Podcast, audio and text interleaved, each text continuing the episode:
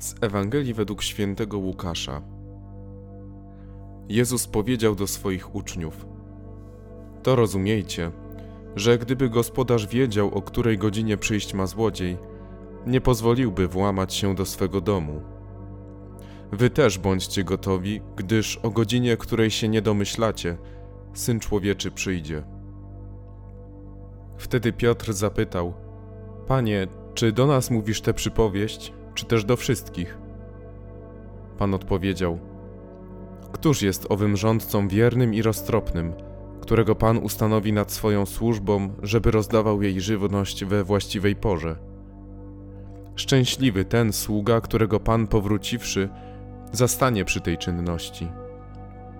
Prawdziwie powiadam wam, postawi go nad całym swoim mieniem.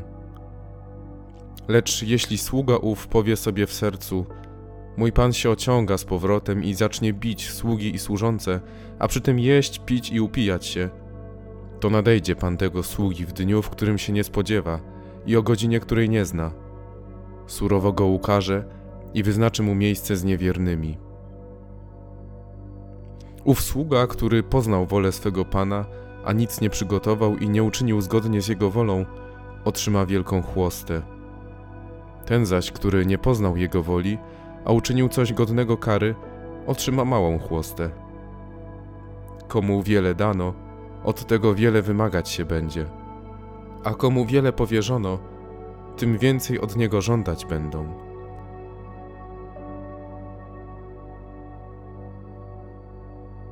Dzisiejszą Ewangelię możemy podzielić na trzy części. Pierwsza z nich to przypowieść o gospodarzu chroniącym domu. Po niej następuje przypowieść o zarządcy, a na koniec Jezus dodaje pouczenia o karze.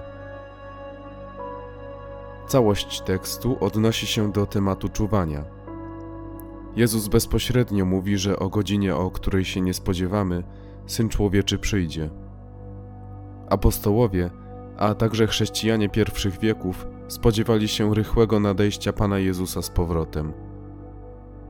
Spodziewali się go tak prędko, że sądzili, że Jan Apostoł doczeka paruzji. Ujrzy Jezusa stępującego na ziemię. Tak możemy wyczytać w 21 rozdziale Ewangelii według świętego Jana, w 22 i 23 wersecie.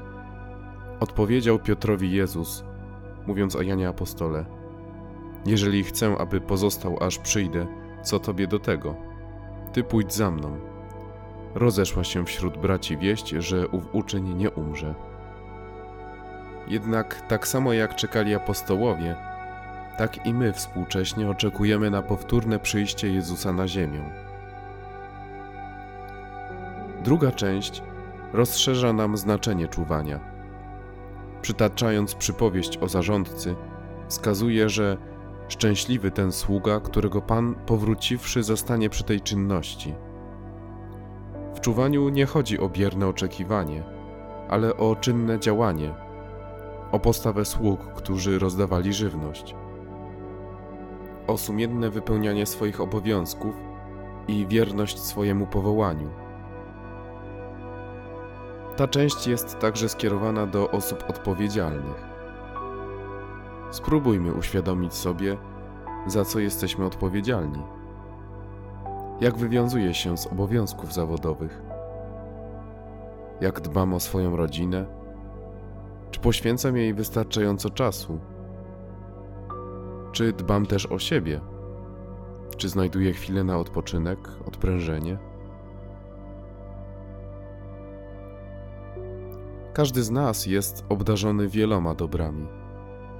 Oprócz tych podstawowych dóbr materialnych, jak dach nad głową, codzienne pożywienie, samochód, telefon, laptop i inne udogodnienia, Jesteśmy też obdarowani wartościami niematerialnymi rodziną, przyjaciółmi, dobrymi ludźmi dookoła, którzy w gorszych chwilach są gotowi nas wspierać modlitwą i czynem.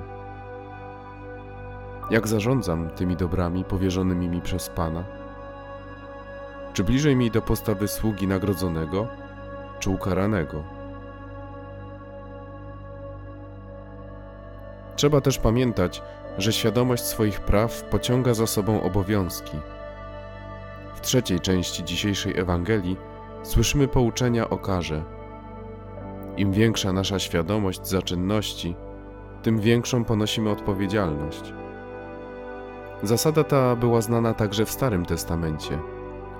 Prorok Ozeasz w swych upomnieniach skierowanych do kapłanów oznajmia, że za swe występki będą osądzeni surowiej niż lud nieznający nauki Bożej. Znajdziemy to w czwartym rozdziale Księgi Ozeasza, w wersetach od czwartego do dziewiątego. Natomiast prorok Amos w księdze Amosa w trzecim rozdziale, drugim wersecie poucza, że na Izrael są nałożone większe zobowiązania niż na narody pogańskie. Izrael jest narodem wybranym, poznał Boga i Jego prawo, dlatego przekraczanie przez nich przykazań będzie surowiej karane niż przez inne narody. Wróćmy na koniec jeszcze do drugiej części, gdzie Jezus oznajmia, co czeka sługę wiernego i dobrego, a co nieodpowiedzialnego i nieposłusznego. Przede wszystkim podkreśla on postawę przez niego pożądaną. W zdaniu Lecz jeśli sługa ów powie sobie w sercu: Mój pan ociąga się z powrotem, w oryginale greckim występuje czasownik ep. Jest on w trybie przypuszczającym. Można dosłownie przetłumaczyć ten fragment jako: Jeśli jednak sługa ten powiedziałby w swoim sercu: Mój pan zwleka z przyjściem. Zwróćmy uwagę, że Jezus złą podstawę nie przedstawia jako fakt, ale tylko jako możliwość. Ukazuje nam to miłosierne spojrzenie Boga, który najpierw zakłada nasze dobre postępowanie i przedstawia nam konsekwencje naszych dobrych czynów.